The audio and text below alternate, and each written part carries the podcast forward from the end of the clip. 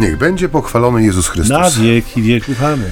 11 czerwca 2023 roku, w dziesiątą niedzielę zwykłą. Witają się z Państwem Ojciec Michał Nowak-Franciszkanin. i ojciec Maciej Baron-Werbista w audycji z cyklu, Niezwykle poważnej, między nami homiletami. czyli ćwierć tony sambony. Tak właśnie brzmi ten tytuł waszej ulubionej audycji. I żeby nie być gołosłownym, przejdźmy do słowa, Udowodnijmy wam, że jest ulubiony. że jest ulubiona. Choćbyście, Choćbyście nie chcieli, to się tak będzie. przekonacie. E, Drodzy słuchacze, dzisiejsza niedziela to jest dziesiąta niedziela zwykła. To jest to wejście w ten czas zwykły, bo po, tych- po tych niedzielach uroczystościowych takich. Przepraszam. Ojciec Maciej zakłada szóstą kamizelkę i bluzę, To jest czerwiec. bo jest czerwiec. E,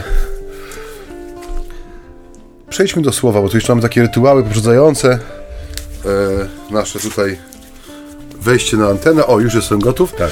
E, Dzisiejsze słowo jest zaczerpnięte z dziewiątego rozdziału Ewangelii Świętego Mateusza, wersety 9 do 13. Odchodząc stamtąd, Jezus ujrzał człowieka siedzącego przy cle imieniem Mateusz i rzekł do niego: Pójdź za mną. On wstał i poszedł za nim. Gdy Jezus siedział w domu za stołem, przyszło wielu celników i grzeszników i siedzieli wraz z Jezusem i jego uczniami. Widząc to, faryzeusze mówili do jego uczniów: Dlaczego wasz nauczyciel jada wspólnie z celnikami i grzesznikami?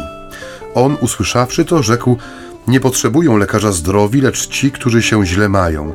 Idźcie i starajcie się zrozumieć, co znaczy chcę raczej miłosierdzia niż ofiary, bo nie przyszedłem powołać sprawiedliwych, ale grzeszników. Ja y, przyznam Państwu szczerze, że patrzę na to słowo w perspektywie poprzedniej niedzieli i tych zapewnień o Bożej miłości do Jego ludu. I myślę sobie tak, my w sumie chyba y, tak przywykliśmy już do tej Ewangelii o Mateuszu, tej dzisiejszej, że w zasadzie nie razi nas ta darmowość daru Pana Jezusa. Nieco więcej, my postrzegamy Mateusza poprzez jego dzieło, nie? poprzez Ewangelię, którą nam zostawił. I myślę, że wielu z nas mówi sobie, no, warto było powołać takiego człowieka, który dowiódł, że ta inwestycja w niego nie została w żaden sposób zmarnowana. Nie? I to myślę sobie jest dosyć powszechne y, pomiędzy nami. Ale, drodzy Państwo, Teraz przenieśmy to na taką naszą codzienność i wyobraźmy sobie, że to samo, co dzisiaj z Mateuszem, dzieje się z naszym sąsiadem, którego nie cierpimy, albo z najbardziej przez nas nielubianym politykiem. Niezależnie z której strony sceny e, politycznej e, on występuje, że to się dzieje dziś, nie? I że mamy okazję patrzeć na te ich rzekome nawrócenia i tutaj nie bez kozery podkreślam to rzekome, pokazując taki cudzysłów jeszcze, bo przecież my tak najczęściej je kwitujemy, nie? O, się rzekomo nawrócił. Tak. Wcale nie zamierzamy łatwo uwierzyć w przemianę ludzi. Mówimy, no dobrze, dobrze, pożyjemy, zobaczymy, a wielu z nas, powiedzmy szczerze, no uważa, że to jest w ogóle niemożliwe, nie? żeby tacy ludzie mogli się nawrócić. Ale, ale, jeżeli już nawet uznamy, że coś tam się wydarzyło, to chyba drugim problemem, jakoś związanym z, z tą pierwszą niewiarą naszą, jest właśnie ta darmowość. Nie? Bo przecież to dotyczy ludzi, którzy naszym zdaniem uczynili wiele krzywdy. Czy oni nie powinni być najpierw z tej krzywdy rozliczeni? Czy oni nie powinni odprawić jakiejś publicznej pokuty? Czy oni nie powinni zostać najpierw mocno y, tak samo upokorzeni, jak upokarzali i skazywali na cierpienie innych? I co za tym stoi? A może zanim powiem, co za tym stoi, to oddam ojcu Mateuszowi, e, Mateuszowi, przepraszam, Ja ten, przepraszam, ale sobie przerzutkę w rowerze właśnie reguluję. Shimano. ten Mateusz, Sorry. ten Mateusz, o którym mówimy, tak mi utkwił w głowie, więc ojcu Sorry, Maciejowi, sorry. rzecz jasna, oddam E, tak, głos, ojciec który sobie tam ładnie te przerzutki wyregulował, żeby nie zdominować tutaj audycji moim wywodem. Onufry taki łaskawy dzisiaj. Wrócę, wrócę do przyczyn, które wydaje mi się stoją za taką naszą postawą nieufności za chwilę. Tak, tak, wrócę, wrócę, na pewno. Już to widzę. Na tym rowerze, co go ojciec wyregulował. Wyregulował się, tak. Y, Drodzy Państwo, drodzy słuchacze, ojciec Maciej z tej strony mikrofonu.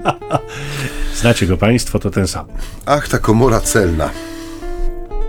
Taka moja pierwsza myśl była, kiedy sobie wziąłem tę Ewangelię na warsztat. Nie rower, nie, nie. tylko Ewangelię. Jakoś tak się składa, że w tym krajobrazie ludzkich spraw, obowiązków, w świecie, w którym żyjemy, zawsze jest obecna ta studnia chciwości, korupcji, ludzkiego upadku, takiego dosłownego spętania człowieka przez mamonę, wobec której, gdybyś zapytać takiego statystycznego Kowalskiego i statystycznego bogacza, czy chce zachować wolność względem pieniądza, mamony, tego wszystkiego, co materialne, co mami i kusi, większość zapewne odpowiedziała, że oczywiście, no przecież nikt sobie nie pozwoli odebrać wolności. Ale tak patrząc, że tak powiem, z dystansu i patrząc krytycznym okiem, widzimy, że niestety, mm, ale to spętanie przez mamonę i jej różnego rodzaju emanacje, macki e, i przejawy obecności jest ciągle obecne. Y, I ta komora celna, która dzisiaj wybrzmiewa nam w Ewangelii, czy, czy, czy jakkolwiek ją sobie wyobrażamy, bo często mamy tą naszą wyobraźnię naznaczoną przez różnego rodzaju wyobrażenia czy reprodukcje, które gdzieś tam nam się jawią. No chyba większość ludzi, którzy mają jakieś skojarzenia z Lewim, e, kojarzą ten obraz Caravaggia, nie? gdzie jest ten, rzeczywiście ta krata w oknie, ta komora celna, ten pieniądz toczący się po stole i ta wyciągnięta ręka Zbawiciela, która jednocześnie wskazuje na przyczynę i e, ukazuje drogę ucieczki, ratunku, jak gdyby poprzez te słowa, których obraz nam nie przekazuje, ale my je znamy. Czyli te słowa pójdź za mną. E, Natura świata się nie zmienia. Dzisiaj pobór podatków jest niemalże y, włączony w powietrze, którym oddychamy, bo nie da się dzisiaj zrobić kroku, żeby jakiejś formy podatku y, należnego nie uiścić. Każdy nasz zakup, każda usługa, z której korzystamy, czy którą świadczymy, każdy pieniądz, który zarabiamy y, w taki czy inny sposób, czy on jest wirtualny, złożony na koncie bankowym, czy to jest gotówka przekłazywana z ręki do ręki, wszystko jest obłożone jakąś formą podatku. Także system podatkowy dzisiaj no, nie kojarzy nam się już, znaczy w sensie oczywiście w jakichś tam interpretacjach na pewno yy, ludzkich jest uważany za jakąś formę opresji czy ucisku, no ale jest czymś, z czym człowiek no, żyjąc w tym świecie musi się pogodzić. No tankujesz samochód, wiadomo, że w cenie paliwa masz wliczonych podatek. Jedziesz autostradą, bulisz i to niemało podatku od tego, że jedziesz drogą, która jest w miarę równa, szeroka i prowadzi cię prosto do celu, tak? E, mm, a więc y, kontekst może odrobinę się zmienia. Nie zmienia się natura tego świata, czyli no, pieniądz jest tą podszewką rzeczywistości dzisiaj dla wielu. I kult mamony wydaje mi się też ma się bardzo dobrze. I chociaż sam termin jest archaiczny, to ten kult mamony przyjmuje dzisiaj formy bardzo współczesne, nowoczesne, a przez to wydaje nam się, że bezpieczne i nieszkodliwe. I tu jest jak gdyby pierwsze takie ostrzeżenie, które wypływa z tego, e, z tego słowa w ogóle i z tego przykładu. Największym zagrożeniem, które dla mnie wiąże się z mamoną, jest to, że często pęta i zniewala ona w sposób niemal niezauważalny bo powszechny. Tak jak mówię, nam się wydaje, że to jest powszechne, czy przynajmniej e, często występujące, jest dobre, poprawne, czy po prostu normalne, a nie zawsze tak jest, prawda? Nie. E, nie wszystkie rzeczy, które są e, argumentowane, przecież wszyscy tak robią, są rzeczami dobrymi, czy pochwal- godnymi pochwały.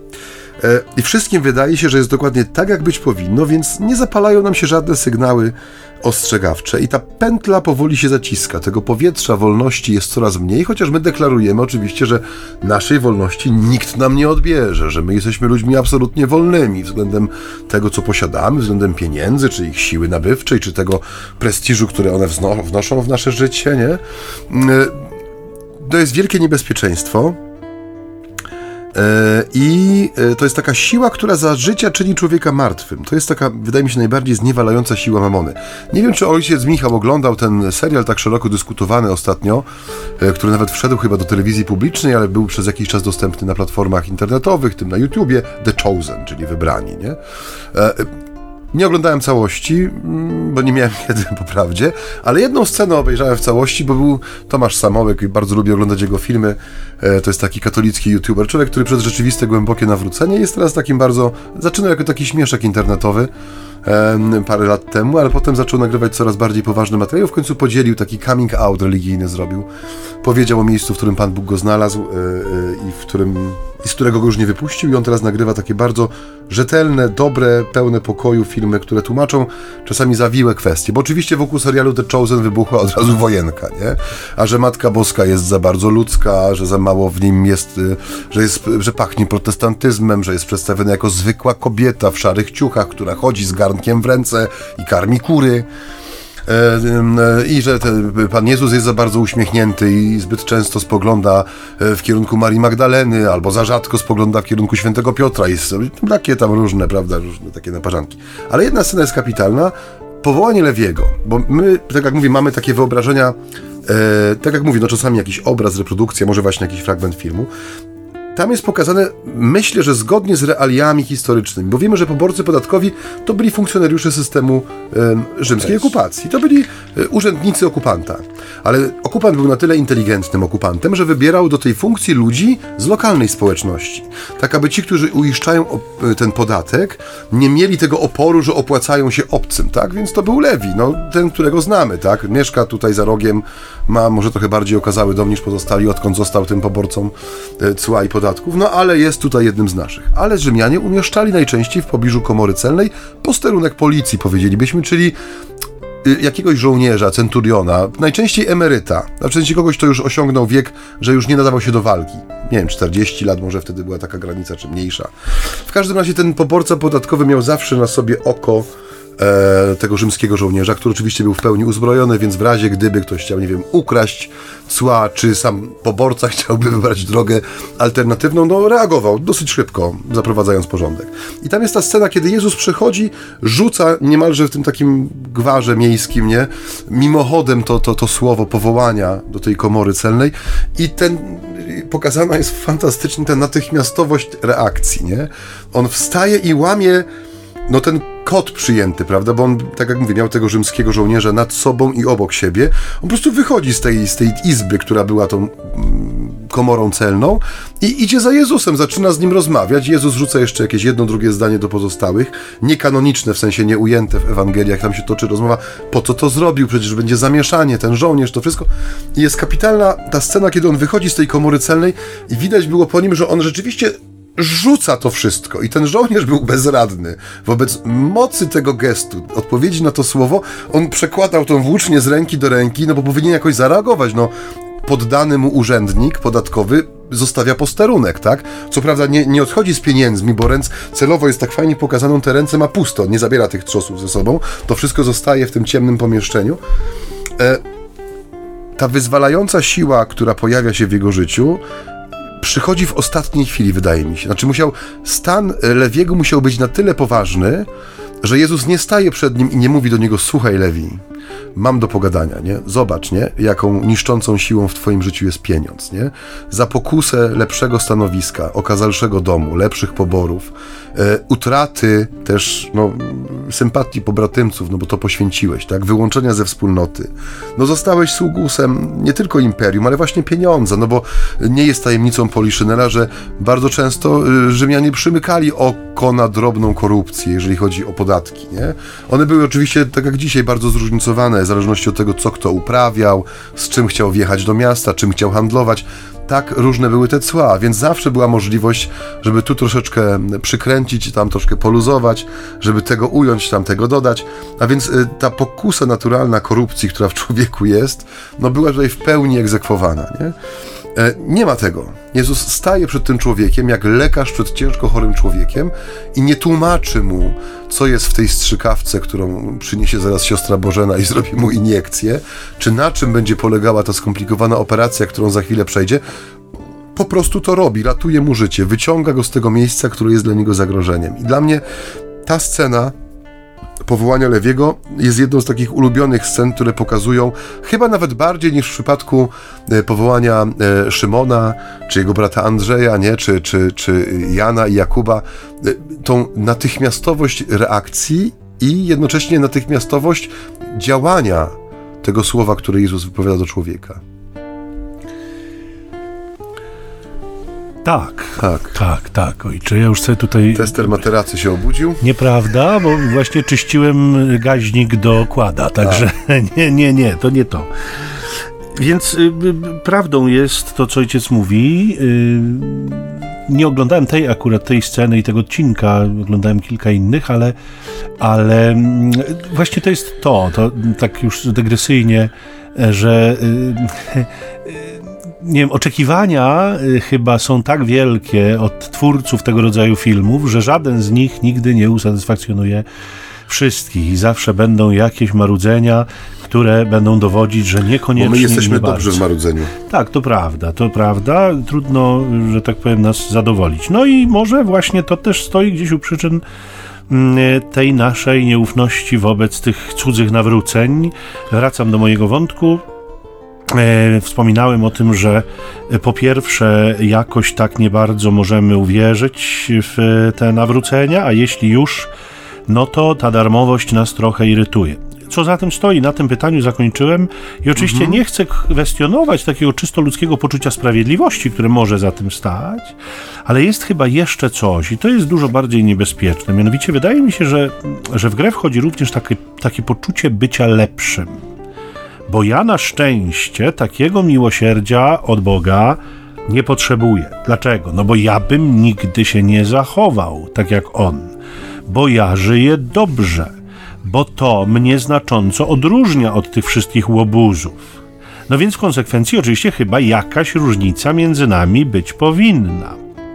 Tymczasem jakby wbrew temu przekonaniu, e, Bóg nie tylko w jakiś tajemniczy sposób zapomina winy tym ludziom, ale jeszcze wybiera ich na swoich współpracowników, podczas gdy ma lepszych kandydatów, na przykład mnie. E, oczywiście ja bym wcale tej współpracy nie podjął, bo oczywiście nie mam czasu. Ale to wcale nie znaczy, że Bóg nie powinien mi jej zaproponować. No są jakieś zasady. Ktoś powinien być pierwszy jednak, ktoś powinien być tutaj promowany, a nie tak, że taki przychodzi przybłęda znikąd i, i on zostaje apostołem. No, jak to? Nie? Więc y, y, trochę oczywiście ironizując i przejaskrawiając, wydaje mi się, tak, wydaje mi się, że to może być jedna z przyczyn y, tego niepokoju, który odczuwamy, zwłaszcza wtedy, kiedy e, takie e, mateuszowe nawrócenia i powołania mają miejsce wśród tych, których personalnie nie lubimy albo którzy nas dotknęli w jakiś tam sposób, ale jest jeszcze jedno, wydaje mi się, ważne, czy ważny powód, to jest pewna zasada, właściwie dwie zasady, e, które my w tym świecie mamy i bardzo restrykcyjnie ich przestrzegamy.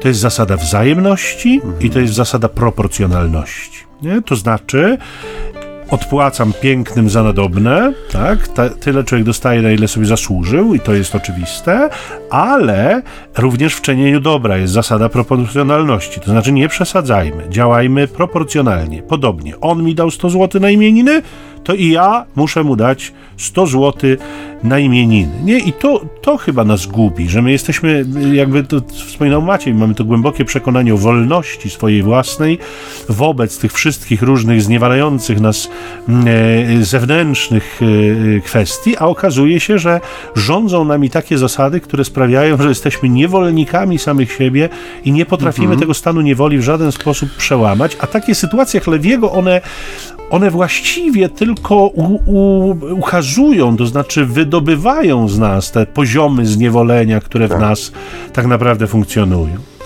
Znaczy coś w tym jest y, prawdziwego na pewno, że y, mówiliśmy o tym rok temu bodajże, kiedy y, no to prawo wzajemności, przy którejś z Ewangelii nam wypłynęło, że ono jest takim prawem, które no, stoi w poprzek ewangelicznego wezwania. E, kiedy mówiliśmy sobie, że ta zasada wzajemności, ona stoi w poprzek ewangelicznego wezwania. Aha, już wiem kiedy, kiedy, mhm. pada, kiedy jest ta Ewangelia o tym, żeby iść ten dodatkowy tysiąc kroków, nastawić drugi policzek i dawać, nie spodziewając się zwrotu. Że to jest bardzo mocne wyzwanie względem e, człowieka każdego czasu, bo mm, to prawo wzajemności zauważ, że ono nie tylko dotyczy 100 zł na imieniny, ale bardzo często dotyczy też takiego poczucia krzywdy, które w nas jest, nie? że mhm. my często dążymy do sprawiedliwości rozumianej jako czysta, no jako kodeks Hammurabiego, tak? Czyli oko za oko, ząb za ząb, cierpienie za cierpienie. A jeśli nie jesteśmy w stanie zaprowadzić tego typu mm, sprawiedliwości, zauważ, co dzieje się z człowiekiem, który zaczyna życzyć źle drugiemu, nie? Albo nosi w sobie żal, że nie jest w stanie tej sprawiedliwości opartej właśnie o tą wymianę krzywd zaprowadzić, nie? Spotykamy czasami takich ludzi, którzy są przesiąknięci takim zgorzknieniem, e, e, mają jakiegoś mitycznego wroga, czy to będzie sąsiad, y, z którym wadzą się o miedzę, y, czy to będzie współpracownik, który ich przeskoczył na drabince awansu w pracy, y, czy to będzie ktoś, kto nie daj Boże, na przykład trafił szóstkę w totka, bo zagrał pierwszy raz w życiu i mu się poszczęściło, a ja mam trzy pełne walizki kuponów na strychu. Od 84. Tak, I gram systemem, puszczając te same liczby od 84 roku coś rzeczywiście dzieje się z człowiekiem wtedy, bardzo niebezpiecznego, nie? że jeśli my nie uświadomimy sobie, że to jest mechanizm, który nie pochodzi, albo inaczej, który nie służy niczemu dobremu, no to bardzo często on staje się e, takim mechanizmem obecnym we wszystkich naszych działaniach, nie? I tak jak Michał powiedział, on także się przekłada teoretycznie, znaczy inaczej, przekłada się w praktyce na to, co teoretycznie nie jest ani e, szkodliwe, a czasem bywa nawet dobre, no w sensie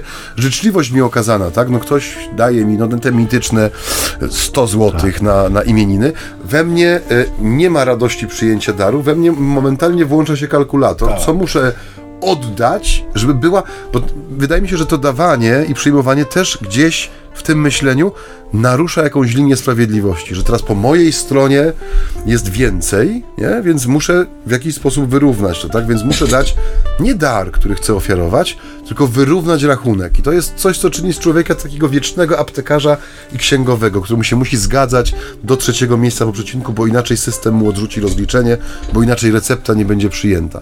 I e, strasznie męczące i zniewalające. Ta Ewangelia, która dzisiaj mówi, no mówię, dla mnie to jest kapitalny przykład. Mówię, dla mnie ma, Lewi jest człowiekiem chorym, nie? On jest chory. On jest dotknięty chorobą. Nie potrzebują lekarza y, zdrowi, lecz ci, którzy źle się mają. On przyszedł, Jezus przyszedł do Lewiego nie tylko jako y, ten, który pragnie mu zmienić życiorys, ale przychodzi jako lekarz do chorego, jako uzdrowiciel.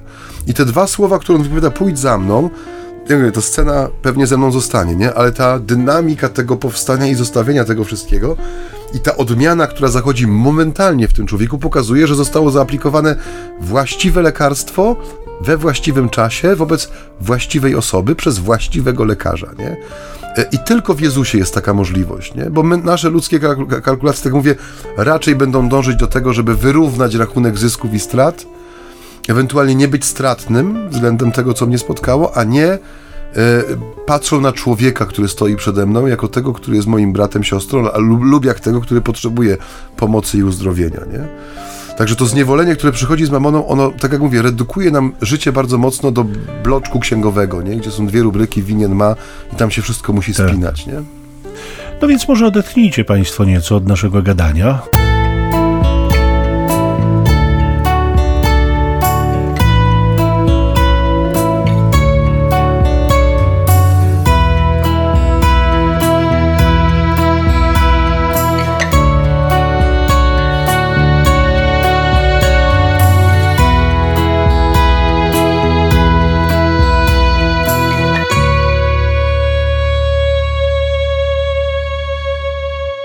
Drodzy Państwo, wracamy po przerwie i e, taki przykład z życia wzięty może. Ja myślę, że każdy z ja Państwa... Ja lubię te ojca przykłady z życia wzięte. No, no nie wiem, ale myślę, że każdy z Państwa, kto miał dzieci, czy ma dzieci, doświadczył nieraz w swoim życiu takiej chęci uchylenia im nieba. Nie? Już się bałem, co po... No dobrze, mów dalej. zwłaszcza, zwłaszcza chodzi mi o takie sytuacje takiej dziecięcej bezradności albo jakiegoś dziecięcego cierpienia. Nie, w takich chwilach no, nikt z nas nie mówi, widzę, że potrzebujesz pomocy, ale w związku z tym, że źle się zachowałeś u babci na imieninach dwa tygodnie temu, no to musisz sobie poradzić sam. Nie? To tak po prostu nie działa. No nic się nie liczy, tylko ratowanie tego dziecka, y, nawet w takich drobiazgach, no, przytulenie go, czy, czy pocieszenie, no jakakolwiek reakcja, która, e, która jest w tej chwili rzeczywiście potrzebna. Ja y, no, nie mam dzieci, co zupełnie oczywiste i, i cały czas jednak ciągle oczywiste, mam nadzieję. I będzie już tak oczywiste do końca, ale muszę Państwu przyznać, że doświadczyłem takich sytuacji kilka razy w życiu wobec różnych osób, wobec młodszych osób, wobec starszych osób. Pan Bóg jakby wzbudził w moim sercu tak ogromne poczucie miłości wobec tych ludzi, że ja naprawdę byłem gotów na wielkie ofiary, żeby im pomóc. I ja mam w sobie cały czas to doświadczenie, bardzo wyraźnie pamiętam te sytuacje i one były fascynujące, one przynosiły ogromnie dużo radości. Nie? I y, mówię o tym dlatego, że warto pomyśleć, że Pan Bóg ma tak cały czas. Nie? Pan Bóg ma tak cały czas. I nie tylko wobec tych, których my uznajemy za gangsterów, a On za swoje bezradne dzieci, ale on ma tak wobec nas również. Nie? My wszyscy jesteśmy jego bezradnymi dziećmi, które potrzebują nieustannie jego pomocy. I nawet jeżeli o nią bezpośrednio nie prosimy, to on o tej potrzebie doskonale wie. I on właśnie w takim kluczu nas traktuje. Nie? I myślę sobie, że że to jest też niesłychana lekcja związana z Lewim czy z Mateuszem, jak byśmy go nie nazywali, bo oba imiona są w użyciu, mm, że rzeczywiście ta bieda i ta bezradność, którą przeżywamy w naszym życiu, ale którą przeżywają też ci, których my wcale nie lubimy i wcale nie, nie bylibyśmy skłonni im pomóc, jest y, czymś, co topi serce Boga, a z drugiej strony jest to coś, co co chyba powinno być wezwaniem, czy jest wezwaniem dla nas, żebyśmy w trochę podobnym kluczu zaczęli traktować siebie nawzajem. Mhm. Nie w perspektywie emocjonalnego zrywu i porywu serca, te, bo tym się właśnie różni jakby cnota od emocjonalnych zrywów. Nie, że cnota jest pewną stałą, zdolnością, skłonnością do czynienia dobra i ona nie jest związana z zewnętrznymi elementami, ona nie jest związana też z jakimś e, stężeniem hormonów w naszym ciele i z emocją, która w związku z tym następuje, ale jest to perspektywa dostrzegania rzeczywistych ludzkich potrzeb i zaradzania im, jeśli mówimy już w takim kluczu dzisiejszej Ewangelii. I ta cnota nas do tego jakby predestynuje, umożliwia nam to, daje nam jakby narzędzia i i daje nam przede wszystkim taką, takie otwarte drzwi nieustannie do właśnie takiego reagowania, takiego, które jest naśladowaniem Boga samego. Już koniec? Tak szybko no, tą myśl? Proszę ojca, bo mam następną tutaj A, zaraz o uczcie, ale, ale jeszcze może się mhm. wstrzymam. No więc to ta przemiana, uzdrowienie, jakie się stało, mm, jakie stało się udziałem Mateusza Lewiego, są widoczne, żeby nie powiedzieć spektakularne. Na tyle, że już po chwili większa grupa celników i grzeszników, kategorii społecznie religijnie wykluczonych ludzi, może, może nawet powiedzielibyśmy językiem współczesności, Niech się ojciec nie przejmuje. Ojciec Michał wyciągnął puzon z futerału i właśnie go przedmuchał. Chciałem zagrać Państwu hymn Opola w festiwalu, ale, ale nie dał mi ojciec Maciej szans. Ta spektakularna, spektakularne owoce tej przemiany Lewiego sam się ojciec wytrąca z myśli, sam się ojciec wytrąca. Gromadzi za chwilę przy stole całkiem sporą grupę ludzi, których używając języka współczesnego moglibyśmy nazwać marginesem. Nie? Tak. Już nieraz żeśmy mówili, że no, celnicy mm, to był taki synonim nietykalnego człowieka, wykluczonego po prostu z życia społecznego. To nie była osoba, której podaje się rękę, kiedy się spotyka na, na rynku czy na, na chodniku. E, I ludzie, którzy gromadzą się e, przy stole, tak naprawdę gromadzą się wokół Jezusa, no bo to, to On jest jak gdyby tym, który uruchomił tą sytuację, której zwieńczeniem jest ów stół, tak bardzo gorszący dla, e, dla faryzeuszy, tak bardzo gorszący dla, dla przywódców Izraela, bo gromadzący ludzi powszechnie uznanych za nieistniejących, o tak byśmy powiedzieli, nie? Przynajmniej w, tym, w, tej przestrzeni, w tej przestrzeni życia wspólnego która, e, która wtedy istniała. E, I ci ludzie, mam wrażenie, w pewien sposób to, co ich, to, co ich gromadzi, oczywiście to jest Jezus, który jest uzdrowicielem Lewiego, który przyszedł do, do tych, którzy źle się mają, ale tych, tym, co ich przyciąga, jest y, rzadka też dzisiaj okazja do tego, żeby przejrzeć się w drugim człowieku, nie? Znaczy, myśmy przed chwilą Cię znali jako tego, który dzielił nasz los, nie? Zaszła zmiana. Na pewno, tak jak mówię, z racji tego, że ten system był dosyć formalny, y, ta informacja czy wieść o tym, że celnik opuścił komorę celną, y, no była małą sensacją pewnie, była jakimś wydarzeniem, które no przynajmniej jakimś tam echem się rozniosło. To nie była postać anonimowa, nie, na pewno nie. Więc musieli o tym słyszeć, dlatego też pewnie przychodzą zobaczyć, co też się stało, nie? Co też dał mu ten człowiek, za którym on poszedł, że on rzucił te trzosy z groszem, zostawił posterunek, co było dla niego dość ryzykowne, no i teraz gości się przy nim stole. I że ta okazja do tego, żeby się przejrzeć w kimś, w kim dokonała się przemiana, e, jest bardzo, e, e, no jest to bardzo kuszące, żeby użyć tego słowa, nie? Jest to bardzo pociągające. W tym sensie, że kiedy na przykład czytałem ostatnio, czytam ostatnio właściwie, bo to jest taka dłuższa pozycja, po raz kolejny wydane i pięknie opracowane myśli, czy te zebrane takie wspomnienia z okresu uwięzienia e, tego wietnamskiego kardynała Vantuana, nie? który no, spędził, e, znaczy był człowiekiem socjety, nie? bo to była rodzina taka arystokratyczna, z którą się wywodził i ta junta wojskowa, która przestawiła Wietnam w tym czasie do góry nogami, no postawiła sobie za cel, zresztą jak każda rewolucja, żeby usunąć elity, w tym tego człowieka, który jeszcze pół roku wcześniej, troszkę jak on był nazywany takim kardynałem yy, znaczy biskupem Shinem azjatyckim. Radio, telewizja, audycja, on był, on był wszędzie, nie? I nagle z człowieka, który jest na świeczniku, okazuje się zdrajcą ojczyzny, w sensie według nowej nomenklatury, zostaje pariasem, nietykalnym, w sensie zasługuje na więzienie i to naprawdę yy, perfidnie, w sensie takie, no, brak możliwości, to już odprawienia przy świętej to już jest coś, yy, w sensie z ludźmi, to jest coś, coś oczywistego, ale nawet prywatnie, nie? On tam tę mszę odprawiał na drobinie chleba i kropli wina przemyconych przez tam, przez strażników. W każdym razie on nie przestawał być sobą, w tym sensie, że podaje tam oczywiście bez nazwisk, bez imion, bo ta książka pierwszy raz się ukazała, kiedy jeszcze te sprawy były dosyć świeże, że rzeczywiście y, to, co Michał nazwał y, taką, jak nazywał się, cnotę, że to jest stała y, Zdolność do czynienia Zdolność do czynienia dobra. Że, taka, że pozostając w ciągłej dyspozycji do bycia tym, kim jestem jako chrześcijanin, mimo że okoliczności są takie, jakie są, tak jak w, tej, w tym kontekście, osądzające spojrzenia z każdej strony, nie? nieprzychylność, niechęć, wrogość wręcz, nie? że nie przestaje to świadectwo być skutecznym. Nie? I on tam w kilku miejscach przemyca dowody na to, że to, że on pozostał sobą, nie? że mimo, że nie miał tych, no, purpur i fioletów, sutanny, mantoletów, łańcuszków, krucyfiksów, pektorałów, nie przestawał być skutecznym duszpasterzem, duszpasterzem, nie mając nawet możliwości porozmawiania z y, współwięźniem za ściany, mając tylko raz na jakiś czas przed sobą strażnika, y, czy, czy innego tam y, politycznego oficera, pokazuje, że jego postawa pokorna, bo przyjął to z wielką pokorą i, i, nie buntował się, w tym sensie nie był jakimś tam tłukącym się po tych kratach więźniem, że możliwość przejrzenia się w człowieku, który jest przemieniony przez Ewangelię, przemieniony przez Chrystusa, czyli po ludzku, oczywiście z całą skromnością, w świętym, nie?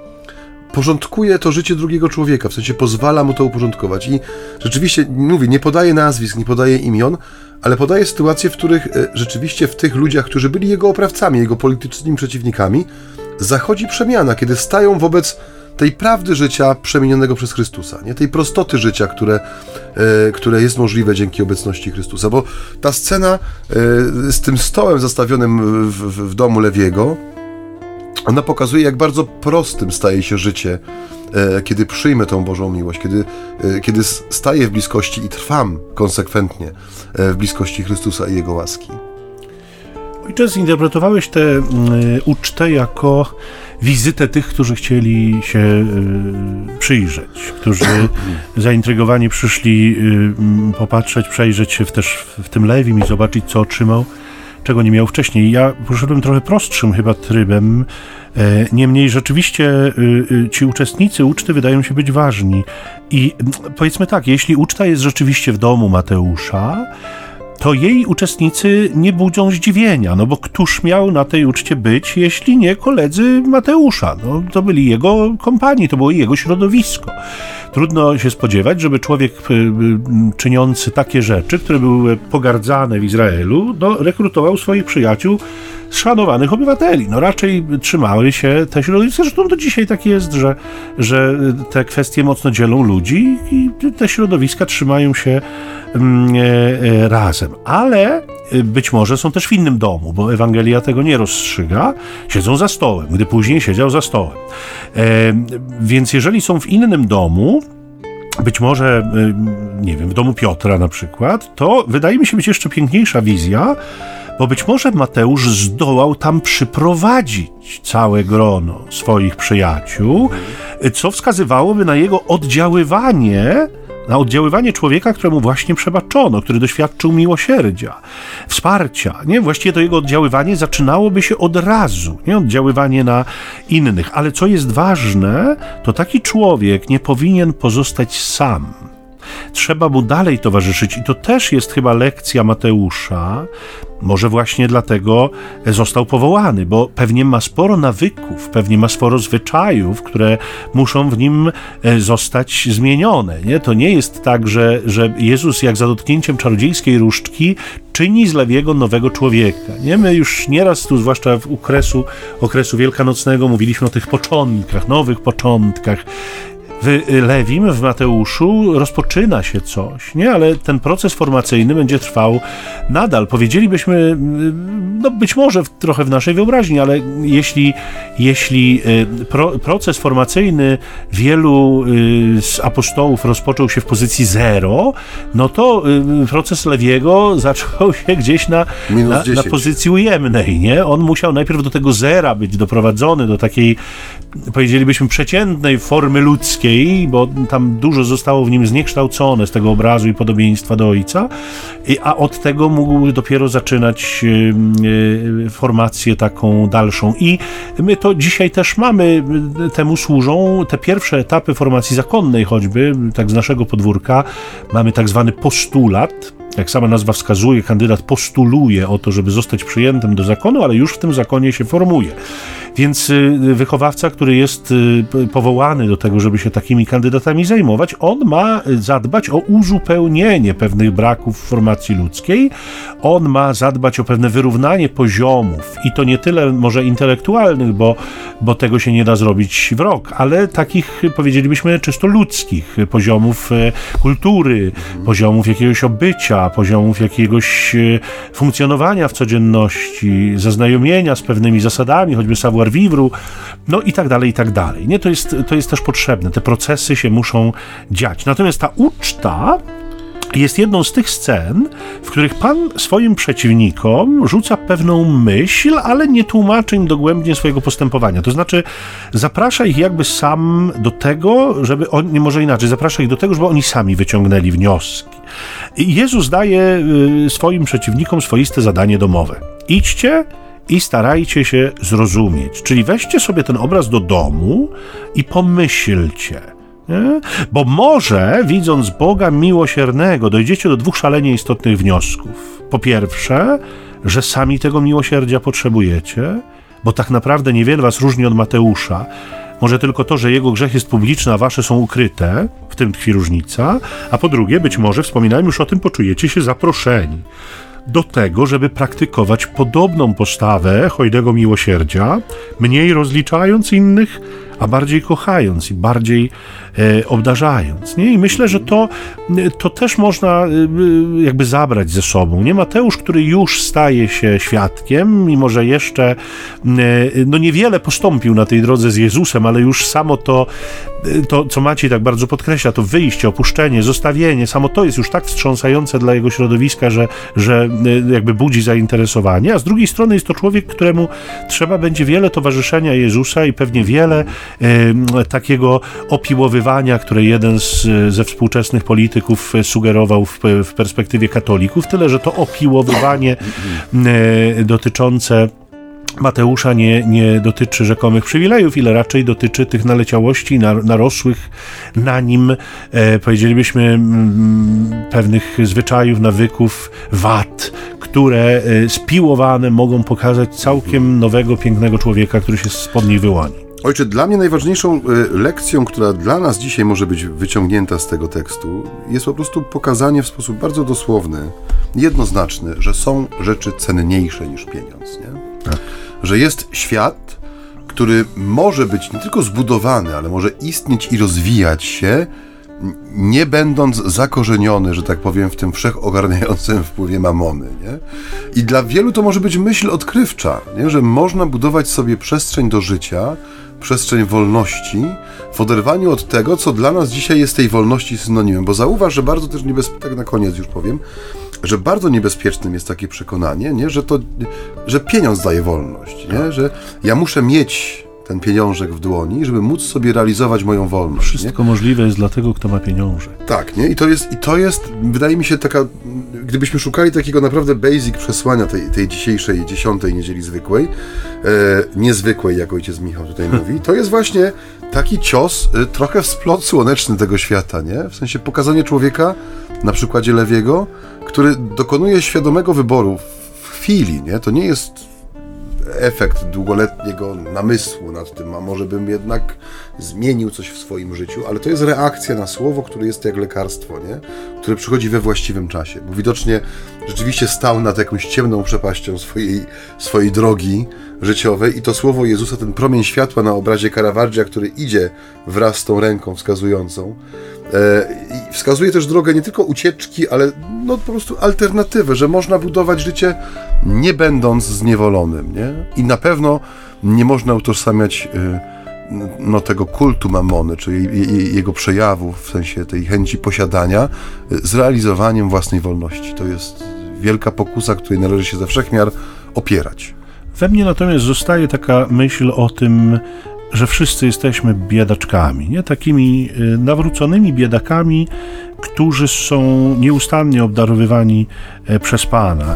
To y, też jest takie myślenie kontra światowemu przekonaniu, ale które wdziera się bardzo mocno do Kościoła, temu przekonaniu o tym, że ja jestem bogaty przed Bogiem, że ja sam z siebie na to zapracowałem, że ja sobie zasłużyłem i po prostu mi się należy, bo jeżeli tak myślimy, to wnerwia nas, że ktoś nam się wcina w kolejkę. Nie? To mówimy, osiągnij chłopie przynajmniej tyle, co ja, a wtedy będziemy mogli sobie pogadać.